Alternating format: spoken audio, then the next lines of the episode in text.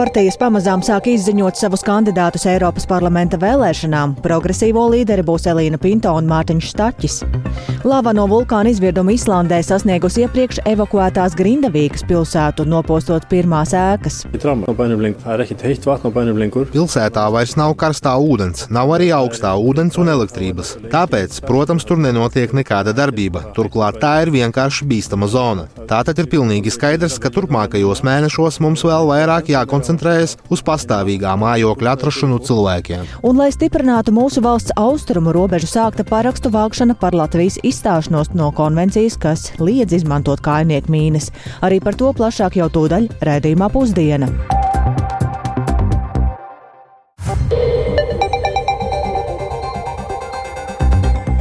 Un 5 minūtes ēterā 15. janvāra raidījums pusdiena ar plašāku skaidrojumu par šodien būtisko. Studijām Dāca Pēkšēna. Esiet sveicināti! Un viens no šīs vasaras svarīgākajiem notikumiem būs Eiropas parlamenta vēlēšanas, un to tuvošanās ir jūtama nevien ar augstu amatpersonu viesošanos Latvijā, atgādinot, cik būtiski ir dalība vēlēšanās, bet arī ar to, ka nu jau parādās pirmie kandidāti, kas pretendēs uz Latvijai atvēlētajām vietām Eiropas parlamentā. Līdz ar to politiskiem spēkiem turpinot gatavot kandidātu sarakstus parādās gan centieni meklēt nepolitiskus kandidātus, gan konkurence, gan arī vēl tikai gaidāmie lēmumi, kurus tad Latvijā aktīvus politiķus sūtīt uz Briseli. Līdzinējo procesu ceļā uz Eiropas parlamenta vēlēšanām ir vairāk pavērtējis kolēģis Jānis Kīncis. Sveiks, Jāni! Nu, kādi tad ir tavi secinājumi, ko saka tevis aptaujātie cilvēki? Jā, sveicināti! Eiropas parlamenta deputātu kandidātu sarakstu iesniegšana Centrālajā vēlēšana komisijā sāksies nākamās nedēļas beigās, no 25. janvāra. Tāpēc arī nolēmām painteresēties, kas tad ir zināms līdz šim.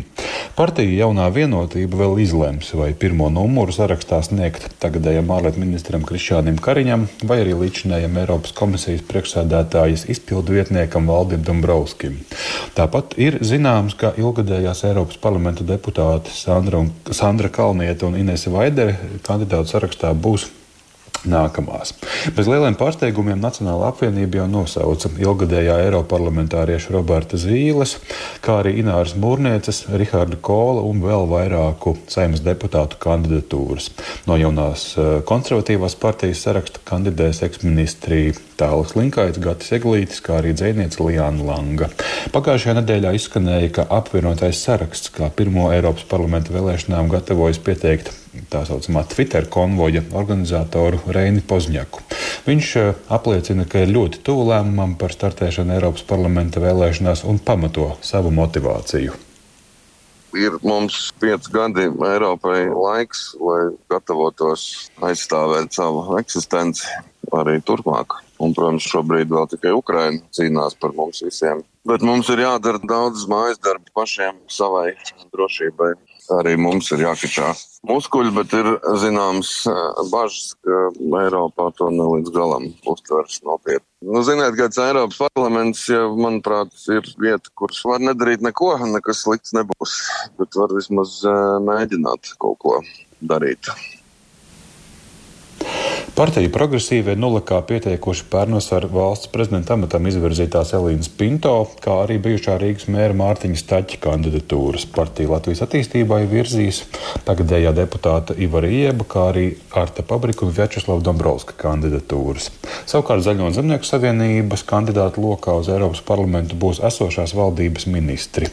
Jāatgādina, ka viņi valdībā darbu sāka 1. septembrī, taču vēl nesot izlemts, kurus kandidātus tieši virzīt, taču tie būšot no ZZS valdes, bet ne no sadarbības partijām, piemēram, Latvijai un Ventspilī. To savukārt stāsta ZZS partiju apvienības valdes priekšsēdētājs Armāns Krause. Lūk, viņa teiktais.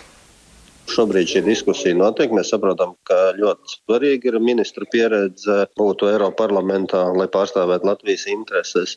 Bet nu, man liekas, ka mums ir jāatrod līdzsvars starp tiem ministriem, kuri varētu dot pienesumu Eiropā, un tiem ministriem, kuriem ir jāstrādā un jāturpina strādāt Latvijā. Un līdz ar to es šobrīd nu, tā apstiprināt nevaru. Mums sarakstā, piemēram, būs četri ministri, viens vai divi. Jāsaprot arī, ka Latvijas intereses Briselē ir pārstāvēt ļoti, ļoti, ļoti svarīgi, ņemot vērā šos globālos izaicinājumus un arī vietējos izaicinājumus, kas ir Eiropas mēroga izaicinājumi, klimata pārmaiņas un tā tālāk. Lūk, un, uh... Partijas saskaņa līderi Eiropas parlamenta vēlēšanās savukārt būs Nils Ušakovs, sabiedriskā aktīviste Olga Petkeviča un politiskā spēka līdzpriekšsādātāja Regīna Ločmela. Savukārt gods kalpot Rīgai atsevišķi nekandidēšot, jo grib piedalīties pašvaldību vēlēšanās Rīgā. Latvija pirmajā vietā saraksta līderi savukārt būs saimnes deputāti, ekspremjeras Vils Kristopāns, bijusī labklājības ministre Ramona Petrāviča, kā arī Ričards Šlesers. Vēl nav zināms par stabilitātei un Latvijas-Krievijas Savienības plāniem, kā zināms protams, pēdējo ilgadējai līderei Tatjanai Ždanakai likums liedz turpmāk kandidēt vēlēšanās, un saraksta līdere varētu būt Rīgas domniece Inna Ģērija. Vēl piebildīšu, tātad, ka politiskiem spēkiem Eiropas parlamenta vēlēšanu kandidātu sarakstu būs jāiesniedz CVK, Centrālajā vēlēšana komisijā no 25. janvāra līdz 9. februārim. Pašas Eiropas parlamenta vēlēšanas notiks 8. jūnijā, un Latvijai Eiropas parlamentā būs deviņi deputātu mandāti, par vienu vairāk kā līdz šim. Dāce. Paldies Jānim Kīncim. Tātad, jā, kā jau tu teici, tad Eiropas parlamenta deputātu kandidātu saraksta iesniegšana sāksies nākamās nedēļas beigās. Bet partija, kas šodien ir izziņojusi savus līderus un kandidātu sarakstu, ir partija progresīvie ar savu piedāvājumu nākot klajā pirms aptuveni stundas. Progresīvo līderi būs Mārtiņš Staķis un Elīna Pinto, un bez viņiem šajā sarakstā būs vēl 16 politiķi, par kuriem kolēģim Kristapam Feldmanim šorīt raidījumā labrīt Pinto sacīja, ka tos raksturojot jauneklīga enerģija, kā arī nozaru kompetence un pieredze. Tāpat arī pirmajā pieciniekā esot gan pilsētas attīstības profesionāļi, gan vīdes klimata, enerģētikas, gan arī sociālās integrācijas jomu pārstāvi, kas liecinot arī par jomām, kas partijai ir būtiskas. Pinto arī atklāja, ka partija partija cer uz vismaz divām Eiropas parlamenta deputātu vietām, un šī brīža eh, ministru šajā sarakstā nav. Skaidrojumu, kādēļ tā, varam paklausīties šī rīta sarunas fragmentā, ko sacīja Pinto. Mūsu ministriem droši un stabila prioritāte ir strādāt Latvijā ar Latvijas izaicinājumu risināšanu. Vienlaikus tas, ko es redzu arī ar savu darbu Eiropā, ka ir ārkārtīgi svarīga cieši tāda komandas saspēle starp valdību ministriem un Eiropas parlamenta deputātiem. Jo šīs eh, gan Eiropas Savienības padome, gan Eiropas parlaments ir tieši tās vietas, kur notiek Eiropas lēmumu pieņemšana. Ar to, jebkurā gadījumā mēs strādāsim ļoti ciešā saspēlē, lai uzrādītu labākos rezultātus Latvijas vēlētāju interesu aizstāvībai. Kāpēc jums pašai nesākt ar kandidēšanu nacionālā vai pašvaldību līmenī, varbūt iegūt vairāk nu, tieši pieredzi šajā tādā politikas eh, jomā, izprast tās problēmas, kas ir Latvijā, un tad doties aizstāvēt mūsu intereses Eiropā? Latvijā man ir eh, ilga pieredze jau strādājot sabiedriskā darbā, esot eh, cieši iesaistītai politikas procesos tieši no pilsoniskās interešu pārstāvības viedokļa. Šobrīd redzu, ka mūsu pārstāvība Eiropā ir kritiski svarīga, lai tiešām iestātos par Latvijai noderīgiem uh, risinājumiem. Un, uh, šī ir izcila iespēja man likt uh, lietā gan uh, savu piedarību Latvijai, gan arī savu pieredzi starptautiskajā vidē, tajā skaitā Eiropas Savienībā. Es uzskatu, ka šis šobrīd ir tiešām trumps, uh, lai mūsu Latvijas pārstāvību darītu stiprāku, ietekmīgāku, lietpratīgāku. Jūs minējāt, ka nu, tā reāli raugaties uz divām vietām Eiropas parlamentā parlamentā, tā ir tāda vēlmju domāšana, vai tomēr tas ir balstīts kādos datos?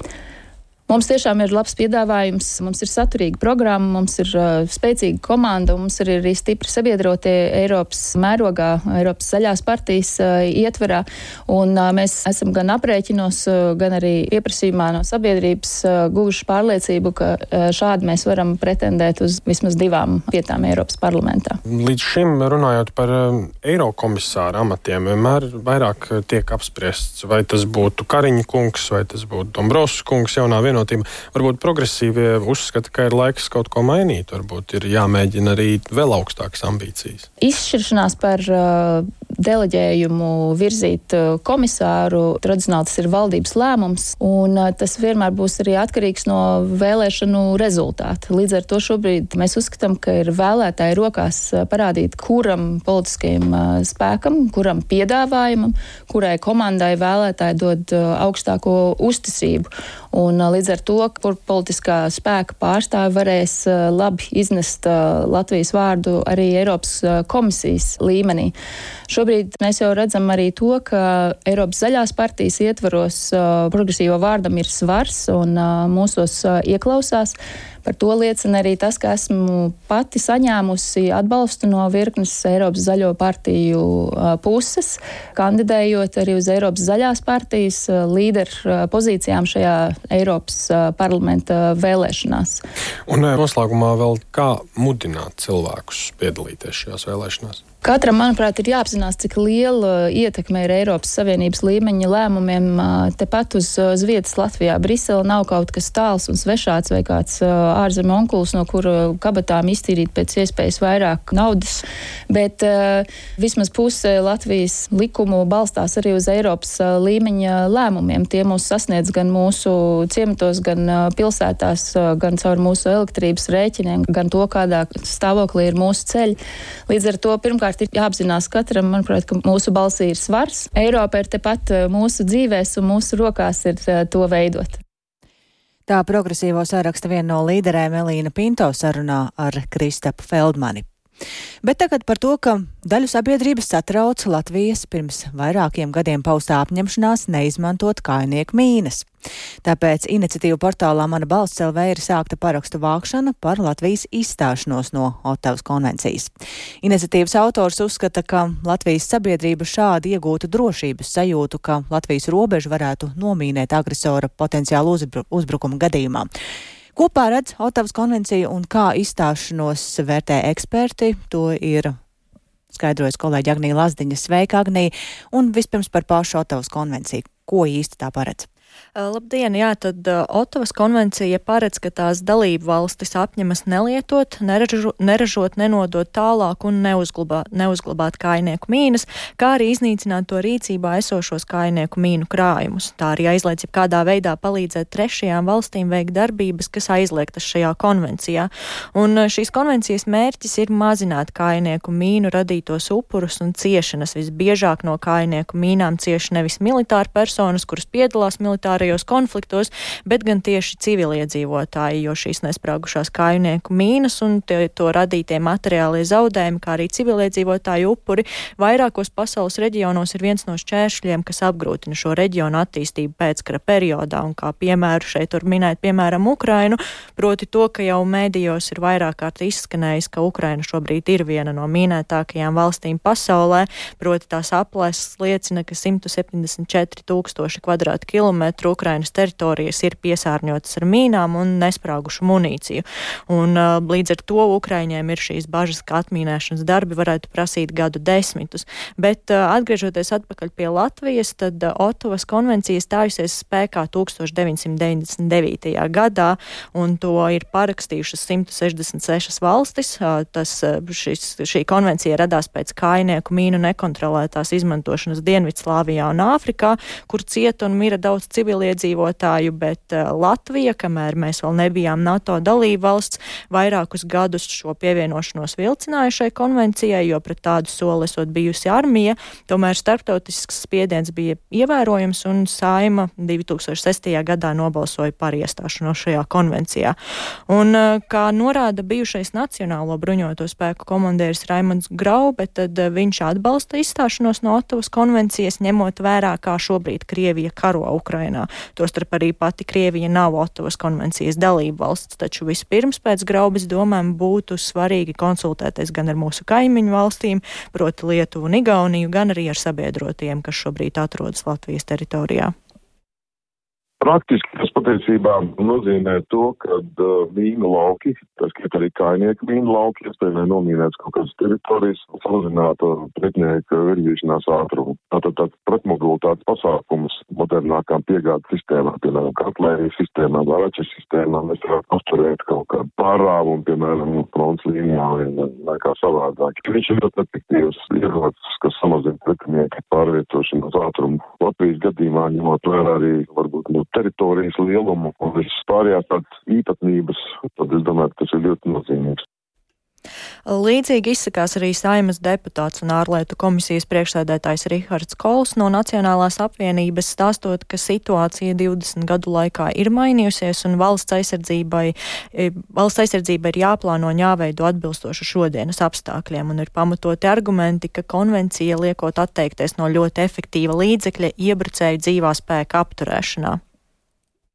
Manā skatījumā būtu piemērojams moratorijas uz noteiktu periodu, nu, piemēram, līdz brīdim, kad Krievija izbeidz savu agresijas karu pret Ukrainu. Bet arī tas varbūt nav tāds vienīgais nosacījums, tie var būt vairāki. Izstāšanās tas ir galējais līdzeklis. Nu, šeit ir nepieciešama politiskā diskusija, un to mēs plānojam parlamentā arī īstenot jau šajā mēnesī. Būs ārlietu komisijas un aizsardzības komisijas kopsēde tieši skatot šo jautājumu. Gan skatot no aizsardzības spēju stiprināšanas skatu punkta, ko tas dotu vai nedotu dotu mūsu spēju stiprināšanai, un otrs ir, kas ir ārlietu komisijas atkal kompetences jautājums tieši starptautiskās tiesības principi, kur kā mēs atrodamies šajā tiesību arī sistēmā un arī esot šīs konvencijas ratificētāja valsts. Tāpat deputāts uzsver, ka vispirms jāsāk ar politiskajām konsultācijām gan ar Lietuvu, gan ar Igauniju, un arī viņš norāda, ka neformāli runājot ar abu valstu ārlietu komisijām, esot noskaidrojis, ka šis lēmums saistībā ar Otavas konvenciju tiekot gaidīts tieši no Latvijas puses, jo šajās abās valstīs diskusijas jau esot bijušas, bet skaidrs lēmums pagaidām vēl nesot pieņemts. Paldies Agnijai Lazdiņai, tātad diskusijas būs un tām noteikti sekosim līdzi arī mēs. Bet šobrīd gan turpinām ar pavisam cita veida apdraudējumu, kas šobrīd ļoti tiešā veidā skar Īslandi, proti Vulkāna izvirdumā Islandē lava ir sasniegusi Grindavīkas pilsētā esošās ēkas, un dažas jau lava un tās izraisītie ugunsgrēki ir nopostījuši. Rīkojums evakuēties vulkāniskās aktivitātes dēļ Grindavīkas iedzīvotājiem tika dots jau sestdien, aicinot to izdarīt līdz šīs dienas vakaram, taču tā kā svētdien sākās izvirdums, tad evakuēties vajadzēja steidzami un plašāks ieskats tam, kāda tad šobrīd ir situācija Islandē, ir kolēģim Rihardam Plūmēm. Sveiks, Riharda! Nu, tad sāksim ar to jaunāko informāciju, kāda šobrīd ir situācija Grindavīkā. Jā, labdien! Islandē esošās Grindavīgas iedzīvotājiem pēdējie mēneši ir bijuši satraukumu pilni un jaunus, noteikti līdz šim lielākos pārdzīvojumus tiem nākas izciest tieši šajās dienās jo zemestrīču dēļ grindavīkieši tika evakuēti jau novembrī, bet decembrī notika vulkāna izvirdums un 4000 iedzīvotājiem nācās um, atkal uh, steidzami uh, evakuēties tagad. Uh, Labas plūsma ir nogriezusi galveno ceļu uz pilsētu šobrīd, un pilsētu pēc izvirduma decembrī tika sacelti aizsardzības elementi, kas daļēji lavu uh, ir noturējuši, taču vairākus no šķēršļiem lava tomēr ir pārvarējusi. Un līdz ar to lavas kārus ir ēkas, vairākas no tām izpostot vai nodedzinot. Un precīzi bojāto ēku skaits gan šobrīd nav zināms, tās eh, ir eh, vismaz trīs. Eh, tieši Hranara Jūna Emilsona māja bija pirmā, kur izpostīja lava un ugunsgrēks, un pēdējos divus gadus viņš veltīja tam, lai renovētu savu māju, un bija plānojis tajā ievākties pirms Ziemassvētkiem, taču pilsētu gan nācās pamest.